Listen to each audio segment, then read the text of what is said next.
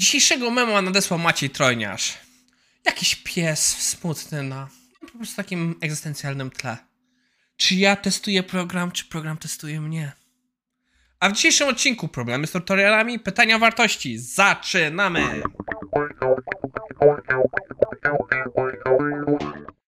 E, Dzisiaj jest e, poniedziałek, 28 marca 2022. Ja nazywam się Maciej Wrodek, a to jest IT Morning, czyli codzienny zbiór artykułów ze świata IT, które mogą Wam pomóc w rozwoju. Dzisiaj piję dalej Mędzi, e, robioną od nowa, tylko e, to jest, nie wiem Wam mówiłem, piję sobie na zimno. E, tylko dłużej się robiła, bo jestem ciekaw jak będzie smakowała, dłużej zrobiona. Nie jest dobra na zimno. Na ciepło jest to genialna herbata, na zimno nie polecam. E, to tak jak już mówiłem, to bardziej susz owocowy, ale na zimno nie działa. Anyway, koniec marudzenia, zaczynamy. Naszym pierwszym artykułem jest ciekawy artykuł. e, Artykuł, artykuł.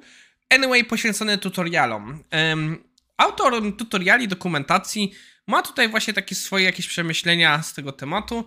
I co zrobił ciekawego, robili pewien eksperyment, gdzie po prostu obserwowali, jak ludzie korzystają z e, tutoriali, i wyszło im, że nikt ich nie czyta. I tak naprawdę w tym momencie mógłbym skończyć. I to jest coś dużego. Ja przyznam się szczerze, ja czytam dokumentację, ale nie czytam je z przodu.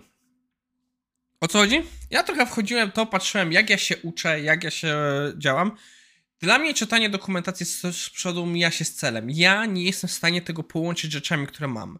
Ja muszę zacząć pracować, muszę trafić na jakiś problem i dopiero wtedy mogę zacząć siąść do dokumentacji i zacząć czytać, kiedy już mam jakieś rzeczy, do których mogę się zaczepić. Kiedy nie mam nic, jest to moje pierwsze spotkanie z jakimś tematem, to czytanie dokumentacji to jest jak groch o ścianę. Nic się nie zaczepi mi. Ja muszę mieć jednak te doświadczenia praktyczne na początek, więc trochę to rozumiem.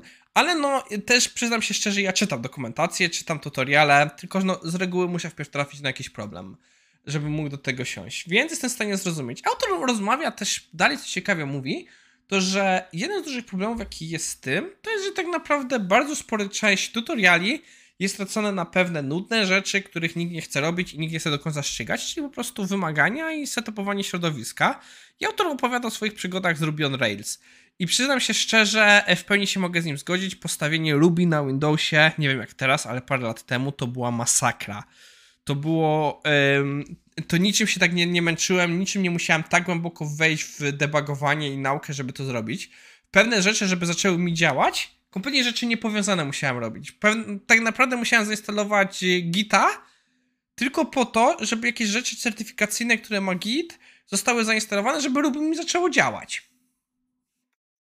Więc no tak bywa, więc tutaj autorzy sugerują, że tak naprawdę są opcje, że można korzystać z jakichś remote containers i tak dalej, żeby tą część przeskoczyć.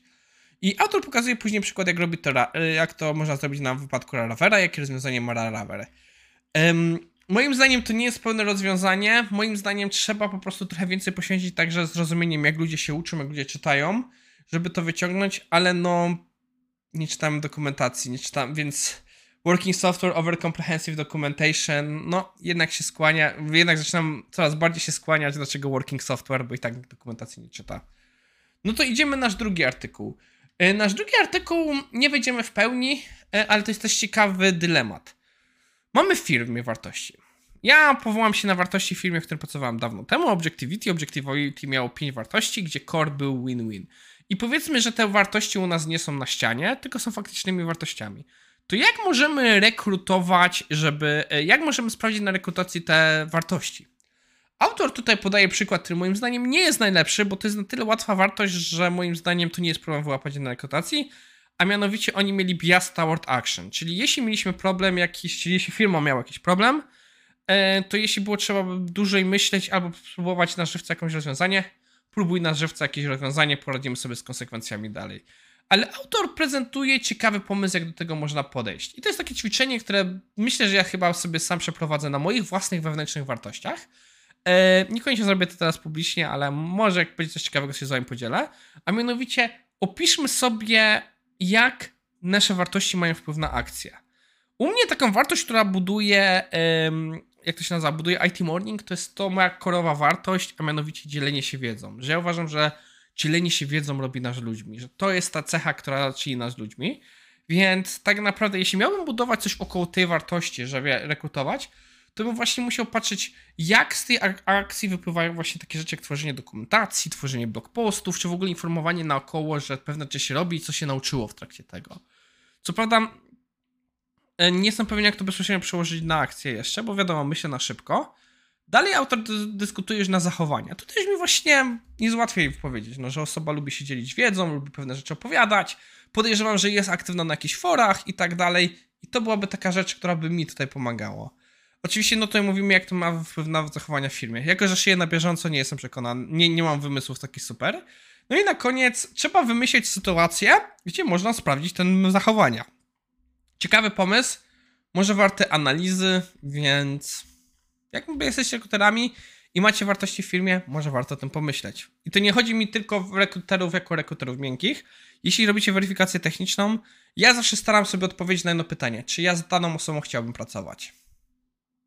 No więc to wszystko na dzisiaj. Mam nadzieję, że Wam się podobało i dajcie znać, jak, jak tam wy patrzycie na wartości w rekrutacji. O!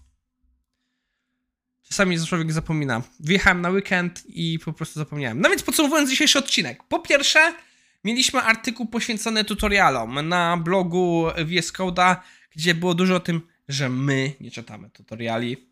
Guilty as charge, ja też tak robię. A wy? Jak często czytacie tutoriale od deski do deski, a jak tylko szukacie problemu konkretnego, który macie?